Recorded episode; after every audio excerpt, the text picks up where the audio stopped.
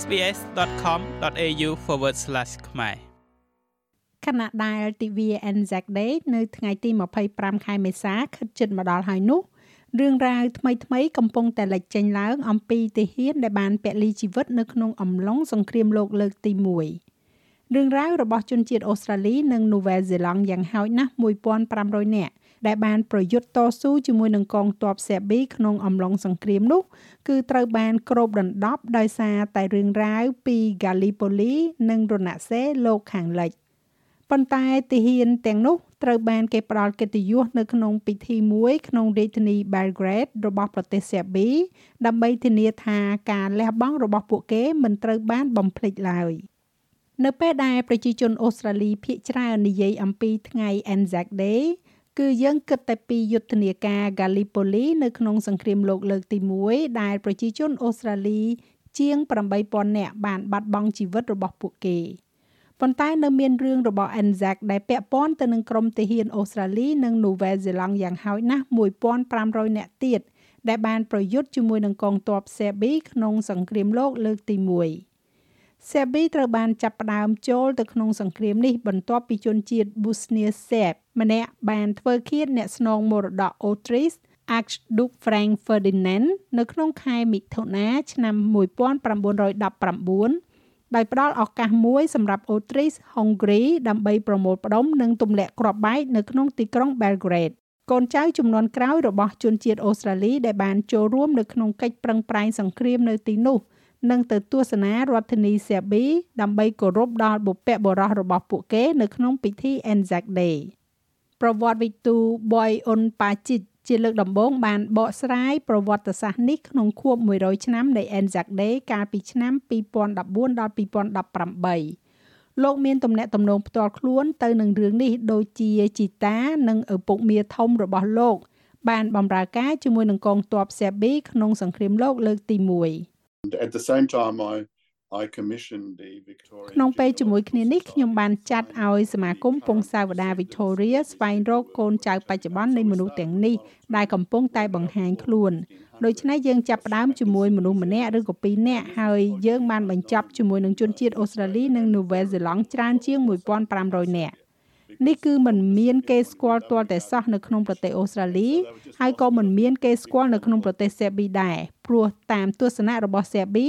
ពួកគេត្រូវបានចាត់ទុកថាជាជនជាតិអង់គ្លេសដូច្នេះពួកគេទៅតែវង្វេងនៅក្នុងស្រះដ៏ធំមួយដែលមានឈ្មោះថាចក្រភពអង់គ្លេសលោកប៉ាជីកនឹងទៅទស្សនាទីក្រុង Belgrade រួមជាមួយនឹងកូនចៅចំនួនក្រោយជនជាតិអូស្ត្រាលី2នាក់ផ្សេងទៀតដែលបានបម្រើនៅប្រទេសសេប៊ីក្នុងសង្គ្រាមលោកលើកទី1ជីដូននិងម្ដាយមីងធំរបស់អ្នកនាង Kathy Hancock និង Richard Cook បានបម្រើការនៅក្នុងកិច្ចខិតខំប្រឹងប្រែងសង្គ្រាមនេះ ម្ដាយមីងធំរបស់លោកស្រី Hancock គឺជាវេជ្ជបណ្ឌិត និងជានិស្សិតបញ្ចប់ការសិក្សាផ្នែកវិទ្យាសាស្ត្រដំបូងគេបង្អស់ពីសាកលវិទ្យាល័យ Melbourne គាត់បានធ្វើការនៅតំបន់ជនបទរដ្ឋ Queensland និងរដ្ឋ New South Wales បន្ទាប់ពីគាត់បានបញ្ចប់ការសិក្សាប៉ុន្តែនៅសម័យនោះស្ត្រីអូស្ត្រាលីធ្វើការជាវិជ្ជបណ្ឌិតនៅជួរមុខនៅសង្គ្រាម គឺមិនធ្លាប់មានពីមុនមកទេ អ្នកនាង Hancock និយាយថាវិជ្ជបណ្ឌិត Mary de Garis ត្រូវរករកវិធីផ្សេង in uh, 1916នៅក្នុងឆ្នាំ1916លោកយាយ Mary គាត់ហត់នឿយនៅក្នុងការចោះឈ្មោះជាមួយនឹងកងទ័ពអូស្ត្រាលីដើម្បីទៅអឺរ៉ុបក្នុងនាមជាវិជ្ជបណ្ឌិតមួយរូបប៉ុន្តែពួកគេនឹងមិនមានកន្លែងសម្រាប់គាត់ទេ ដូច្នេះពួកគេទទួលយកគិលានុបដ្ឋាយិកាស្ត្រីដើម្បីរៀបចំថ្នាំសង្កូវអ្វីបែបនោះប៉ុន្តែពួកគេមិនមានវិជ្ជាបណ្ឌិតស្រីនៅជួរខាងមុខទេដូច្នេះលោកយាយ Mary បានសម្រេចចិត្តលោកយាយមានការតាំងចិត្តយ៉ាងខ្លាំងដូច្នេះហើយគាត់បានបង់ថ្លៃសម្បត្តិធ្វើដំណើរផ្ទាល់ខ្លួនទៅកាន់ចក្រភពអង់គ្លេស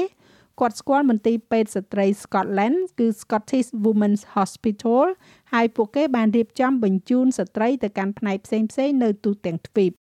បន្ទាប់មកដុកទ័រ De Garis ត្រូវបានគេបញ្ជូនទៅប្រទេសសេប៊ីក្នុងខែកុម្ភៈឆ្នាំ1917នៅទីបញ្ចប់គាត់បានដំណើរការមន្ទីរពេទ្យដែលមានក្រេ200នៅ Ostrovo នៅរណសេ Macedonian ដោយធ្វើការវះកាត់លើទាហានសេប៊ីខណៈពេលដែលស្ថិតនៅក្រោមការបាញ់ប្រហាររបស់សត្រូវ អ្នកនាង Hancock ពន្យល់ពីរបៀបដែល Dr. De Garis បានចូលរួមនៅក្នុងចលនាទាមទារសិទ្ធិបោះឆ្នោតសម្រាប់ស្ត្រី និងចលនាស្ត្រីនិយមនៅមុនពេលសង្គ្រាម នៅពេលដែលគាត់បានទៅចក្រភពអង់គ្លេសនិងសហរដ្ឋអាមេរិកដើម្បីសិក្សាបន្ថែមអ្នកនាងមានអារម្មណ៍ថាការខិតខំប្រឹងប្រែងស្ម័គ្រចិត្តនៅជួរមុខដែលគ្រប់គ្រងដោយស្ត្រីដូចជាម្ដាយមីងធំរបស់អ្នកនាង និងពង្រីកបុព្វហេតុស្ត្រីនិយមនៅពេលនោះ While she was in the UK, uh, she actually went to marches and to គណៈពេលដែលគាត់នៅចក្រភពអង់គ្លេសគាត់ពិតជាបានទៅដើរដង្ហែក្បួននឹងការប្រមូលផ្ដុំគ្នាជាច្រើនហើយគាត់បានចូលរួមជាមួយស្ត្រីដែលពាក់ព័ន្ធនៅក្នុងចលនានោះនៅពេលនោះជាពិសេសនៅក្នុងឆ្នាំ1909ដូច្នេះគាត់ដឹងច្បាស់អំពីលទ្ធភាពដែលអាចកើតមានឡើងនេះគ្រាន់តែជាឧទាហរណ៍មួយផ្សេងទៀតអ្នកដឹងហើយថាតើស្ត្រីមានសមត្ថភាពអ្វីខ្លះដែលអាចធ្វើបាន ការរួមបញ្ចូលជាមួយស្ត្រីដែលមានគំនិតដូចគ្នាខ្ញុំប្រកាសថាវាពិតជាបានបន្ថែមចូលទៅក្នុងចលនាទាំងមូលជីដូនរបស់លោក Richard Cook មានបំណងស្រដៀងគ្នាទៅនឹងការជួយក្នុងកិច្ចខិតខំប្រឹងប្រែងក្នុងសង្គ្រាមនេះដែរបើទោះបីជាមានការលំបាកតស៊ូនៅពេលនោះក៏ដោយលោកស្រី Ethel May Gillingham បានចូលរួមបេសកកម្មកកបាតក្រហម ហើយបានធ្វើដំណើរឆ្លងកាត់សមុទ្រមេឌីទែរ៉ាណេដែលនៅទីបញ្ចប់លោកស្រីបានទៅដល់ប្រទេសសេប៊ីផ្ដល់ការព្យាបាលដល់ទាហាននិងជនស៊ីវិលរបស់ពួកគេគាត់បាននៅទីនោះចាប់ពីខែមេសា ឆ្នាំ1915ដល់ខែកុម្ភៈឆ្នាំ1916នៅខែវិច្ឆិកាឆ្នាំ1915នៅពេលដែលសេប៊ីបានដួលរលំលោកស្រីអ៊ីថែលបានបន្តដោយក្តីក្លាហាន ហើយត្រូវបានចាប់ខ្លួនដោយកងកម្លាំងអូទ្រីសដែលឈ្លានពានសំបីតែនៅពេលដែលគាត់ត្រូវបានគេជួយសង្គ្រោះនិងត្រឡប់ទៅប្រទេសអង់គ្លេសវិញនៅក្នុងការផ្លាស់ប្ដូរអ្នកទោសសង្គ្រាមក៏ដោយក៏លោកខុកនិយាយថាជីដូនរបស់គាត់បានកើតទុកសោកសង្រេងចំពោះអ្នកដែលគាត់មិនអាចមើលថែបានតទៅទៀត She wrote this sort of letter to her sister in Geelong and she was គាត់បានសរសេរសម្បត្តិបែបនេះទៅកាន់ប្អូនស្រីរបស់គាត់នៅជីឡងហើយគាត់បានរៀបរាប់យ៉ាងពិតប្រាកដអំពីរបៀបដែលបេះដូងរបស់គាត់ត្រូវខ្ទេចខ្ទាំ ហើយគាត់យំព្រោះថានៅពេលដែលជនជាតិអូទ្រីសកំពុងចូលមកក្នុងទីក្រុងនេះដែលមានឈ្មោះថាវ៉ាន់ចាកាបានចាអ្នកជំងឺជនជាតិសេប៊ីដែលគាត់មើលថែទាំងអស់ត្រូវបានដោះលែងដើម្បីការពារខ្លួន ហើយគាត់ដឹងថានៅពេលដែលពួកគេកំពុងតែចាក់ចេញទៅទីហ៊ានទាំងនោះនឹងត្រូវស្លាប់និងវិនាសអស់មួយភាគធំដូច្នេះហើយនេះបានធ្វើឲ្យគាត់ខូចចិត្តហើយគាត់ស្រឡាញ់សេប៊ីខ្លាំងណាស់លោកខុកនិយាយទៀតថាលោកមានការភ្ញាក់ផ្អើលចំពោះភាពក្លាហានរបស់ជីដូនលោកនិងស្ត្រីផ្សេងទៀតដែលធ្វើការជាមួយគាត់លោកថានៅពេលដែលកងកម្លាំងវាយលុកចូលមកដល់ស្ត្រីជាញឹកញាប់ត្រូវរងនៅអំពើហិង្សា so it, it was a gutsy story and a ដូច្នេះ humanitarian វាជារឿងនៃភាពអង្អាចក្លាហាននិងជារឿងមនុស្សធម៌ហើយខ្ញុំបានដឹងមកថានៅប្រទេសសេប៊ីមានស្ត្រីជាច្រើនដែលនៅទីបញ្ចប់ធ្វើការងារជាអ្នកស្ម័គ្រចិត្តហើយពួកគេជាច្រើនមានចិត្តក្លាហាន និងពួកគេភាគច្រើនជាចលនាស្ត្រីនិយមហើយពួកគេជាច្រើនបានទទួលការអប់រំល្អ ខ្ញុំចង់និយាយថាវាពិតជាលំបាកណាស់ពីព្រោះជីដូនរបស់ខ្ញុំត្រូវបានផ្ដល់ឲ្យនៅសេរ៉ាំងដើម្បីចាក់ថ្នាំសម្រាប់ខ្លួនឯងដោយសារតែមានករណីជាច្រើននៅពេលដែលអូទ្រីសបានឈ្លានពានសេប៊ីជាលើកដំបូងមានការបាញ់ប្រហារនិងការព្យួរកយ៉ាងសម្បើមដូច្នេះមានការពិភាក្សាយ៉ាងភ័យព្រួយអំពីអ្វីដែលត្រូវធ្វើរវាងគិលានុបដ្ឋាយិកានិងវិជ្ជបណ្ឌិតក្នុងបរិបទនៅអ្វីដែលគេហៅថាជាអំពើយងខ្នង។ លោកប៉ាជីកនិយាយថាក្នុងនាមជាអ្នកប្រវត្តិសាស្ត្រម្នាក់លោកបានរកឃើញរឿងរ៉ាវរបស់ស្ត្រីពីខ្សែប្រយុទ្ធជួរមុខនៅសេប៊ីគឺជារឿងដ៏រំភើបជាពិសេស So to see them and you know to to go in a ដូច្នេះដើម្បីបានជួបពួកគេហើយអ្នកដឹងទេថាការដែលទៅប្រទេសដែលពួកគេមិនធ្លាប់ឮឬក៏ប្រហែលជាមិនមានអ្នកស្គាល់ច្រើននោះទេ នោះគឺជាប្រទេសសេប៊ីដ៏តូចមួយដែលជាប់នៅក្នុងសង្គ្រាមលោកលើកទី1គឺជារឿងដ៏ក្លាហានដែលត្រូវធ្វើ វាមិនត្រឹមតែរងការវាយប្រហារម្ដងហើយម្ដងទៀតហើយបន្ទាប់មកត្រូវគេដណ្ដើមបាននោះទេប៉ុន្តែក៏ដោយសារតែមានរោគរាតត្បាត typhus ដែលវាមានគ្រោះថ្នាក់ខ្លាំងហើយមនុស្សបានស្លាប់ដោយសារវា ជាក់ស្ដែងមនុស្សរាប់សែននាក់បានស្លាប់ដោយសារវា ការដែលមានស្ត្រីទាំងនេះមកពីប្រទេសអូស្ត្រាលីចូលរួមជាមួយនឹងស្ត្រីអង់គ្លេសនិងស្ត្រីដទៃទៀតគឺជាប្រធានបទមួយដែលពិតជាគួរឲ្យចាប់អារម្មណ៍ណាស់លោកនិយាយថាយុទ្ធនាការ Sebi គឺជារឿងសោកនាដកម្មមួយពីព្រោះកងកម្លាំងឈ្លានពាន បានរុញច្រានកងទ័ព Sebi រដ្ឋាភិបាលនិងជនស៊ីវិលចេញពីប្រទេសរបស់ពួកគេដោយបង្ខំឲ្យពួកគេប្រយុទ្ធជាមួយនឹងកងកម្លាំងសម្ព័ន្ធមិត្តនៅកន្លែងផ្សេងទៀត ប៉ុន្តែលោកប៉ាជីកនិយាយថារហូតមកទល់នឹងពេលនេះរឿងនេះស្ទើរតែអវត្តមានពីការយល់ដឹងរបស់ជនជាតិអូស្ត្រាលី you know the Western Front and the Gallipoli campaign. អ្នកដឹងទេរណសេរលោកខាងលិចនឹងយុទ្ធនាការ Gallipoli គ្របដណ្ដប់ទាំងស្រុងទៅលើរឿងរ៉ាវនៅក្នុងប្រទេសអូស្ត្រាលីប៉ុន្តែជាមូលដ្ឋានគ្មាននរណាម្នាក់បានលើអំពីវាទេ ពីព្រោះឈ្មោះមានភាពច្របូកច្របល់ Serbia រណសេរ Salonika រណសេរ Macedonia រណសេរភាគខាងកើតតើទាំងអស់នេះមានន័យដូចម្ដេចឈ្មោះត្រូវបានផ្លាស់ប្ដូរទាំងអស់ដូច្នេះហើយវាពិបាកណាស់សម្រាប់មនុស្សម្នាទោះបីជាពួកគេចាប់អារម្មណ៍ចង់ដឹងចង់ឮឲ្យបានលម្អិតក៏ដោយ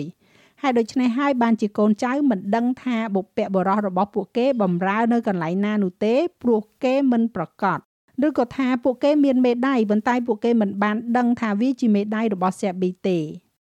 លោកប៉ាជីកមានអារម្មណ៍ថាវាមានសារៈសំខាន់នៅក្នុងការចែករំលែករឿងរ៉ាវទាំងនេះដែលលោកបានចងក្រងនៅក្នុងសៀវភៅមួយដែលមានចំណងជើងថា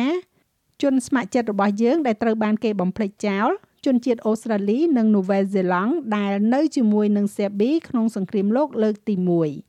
They need to be brought into the into the វាត្រូវតែបានគេនាំយកទៅដាក់នៅក្នុងរឿងរ៉ាវថ្នាក់ជាតិហើយពួកគេសមនឹងត្រូវបានគេចងចាំនិងរំលឹកដោយអ្នកដទៃដែរ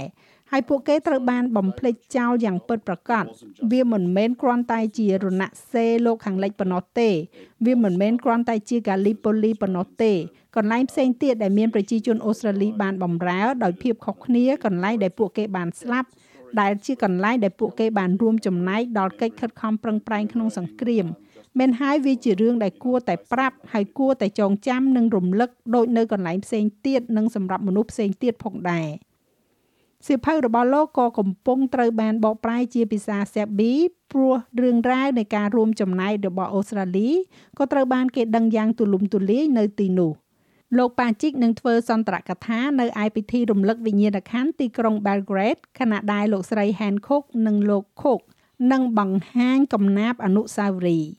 ពិធីនេះនឹងប្រព្រឹត្តទៅនៅថ្ងៃ Anzac Day នៅមុខទីបញ្ចុះសពមួយក្នុងទីក្រុង Belgrade ជាទីដែលបញ្ចុះសាកសពទាហានអូស្ត្រាលី27នាក់ពួកគេនឹងផ្ដល់កិត្តិយសដល់ទាហានដែលបានធ្លាក់ក្នុងសង្គ្រាមលោកលើកទី2 ដោយដាក់កម្រងផ្កា poppy និង rosemary នៅលើភ្នូររបស់ពួកគេលោកប៉ាជីកនិយាយថាការចូលរួមចំណែករបស់អូស្ត្រាលីនៅប្រទេសសេប៊ីក្នុងសង្គ្រាមលោកលើកទី2ក៏មិនត្រូវបានគេដឹងឮច្រើនដែរហើយភាគច្រើនពាក់ព័ន្ធទៅនឹងការតស៊ូរបស់សេប៊ីរួមទាំងតាមរយៈកងកម្លាំងទ័ពអាកាសរបស់អង់គ្លេសពូរបស់ Tracy Hoff គឺលោក Bernadette Austin Hoff គឺជាពលទាហាននៅក្នុងកងទ័ពអាកាស ដែលបានស្លាប់ក្នុងការប្រយុទ្ធគ្នានៅក្នុងសង្គ្រាមលោកលើកទី2អ្នកនាង Hoff និយាយថាគ្រួសាររបស់នាង បានដឹងតិចតួចណាស់អំពីកន្លែងដែលពូរបស់នាងបានប្រយុទ្ធក្នុងអំឡុងសង្គ្រាម ហើយថាវាមានសារៈសំខាន់ដែលឥឡូវនេះពួកគេអាចគោរពដល់ការលះបង់របស់គាត់យ៉ាងពេញលេញ I think um the more we know ខ្ញុំគិតថាកាលណាយើងដឹងកាន់តែច្រើនអំពីការចូលរួមចំណែកដែលធ្វើឡើងដោយអ្នកចំនួនមុនរបស់យើងនោះយើងកាន់តែប្រសើរ ខ្ញុំគិតថាមានមនុស្សជាច្រើននៅទីនោះដែលមិនដឹងថាសាច់ញាតិរបស់ពួកគេបានស្លាប់នៅកន្លែងណាហើយត្រូវបានគេបញ្ចុះនៅកន្លែងណានោះទេហើយខ្ញុំគិតថាវាតែងតែមានសារៈសំខាន់សម្រាប់មនុស្សម្នានៅក្នុងការស្វែងរកវាហើយវានឹងផ្ដល់ឲ្យពួកគេនៅការបិទបញ្ចប់យ៉ាងពិតប្រាកដអ្នកនាង Hancock និយាយថា នាងគិតថាដំណើរ ទស្សនកិច្ចទៅកាន់ទីក្រុង Belgrade នឹងក្លាយទៅជាអារម្មណ៍មនោសញ្ចេតនាមួយខណៈដែលអ្នកនាងឆ្លុះបញ្ចាំងពីការរួមចំណែកដ៏ធំសម្បើមរបស់ម្ដាយមីងធំ Dr. De Garis even sitting here now at my home in New South Wales សំបីតែអង្គុយនៅទីនេះឥឡូវនេះនៅផ្ទះរបស់ខ្ញុំនៅក្នុងរដ្ឋ New South Wales នៅពេលដែលខ្ញុំពិតជាគិតអំពីអ្វីដែលគាត់បានធ្វើនៅទីនោះហើយគិតថាខ្ញុំនឹងនៅក្នុងតំបន់នោះខ្ញុំគិតថាវានឹងមានអារម្មណ៍រំជួលចិត្តខ្លាំងណាស់ នៅទីក្រុង Belgrade សម្រាប់ទិវា Anzac Day ហើយចូលរួមក្នុងថ្ងៃនោះ យើងនឹងទៅដំណើរកំសាន្តមួយនៅភាគខាងត្បូងនៃទីក្រុង Belgrade ចូលទៅក្នុងតំបន់សមរភូមិដូច្នេះខ្ញុំពិតជានឹងចូលទៅក្នុងតំបន់ដែលលោកយាយ Mary នៅហើយខ្ញុំគិតថាវានឹងរំភើបខ្លាំងណាស់ចាស់ហើយរបាយការណ៍នេះចងក្រងឡើងដោយ Catriona Sturret សម្រាប់ SBS News និងប្រែសម្រួលសម្រាប់ការផ្សាយរបស់ SBS ខ្មែរដោយនាងខ្ញុំហៃសុផារ៉ានី ចូលចិត្តអ្វីដែលអ្នកស្ដាប់នេះទេ Subscribe SBS ខ្មែរនៅលើ Podcast Player ដែលលោកអ្នកចូលចិត្ត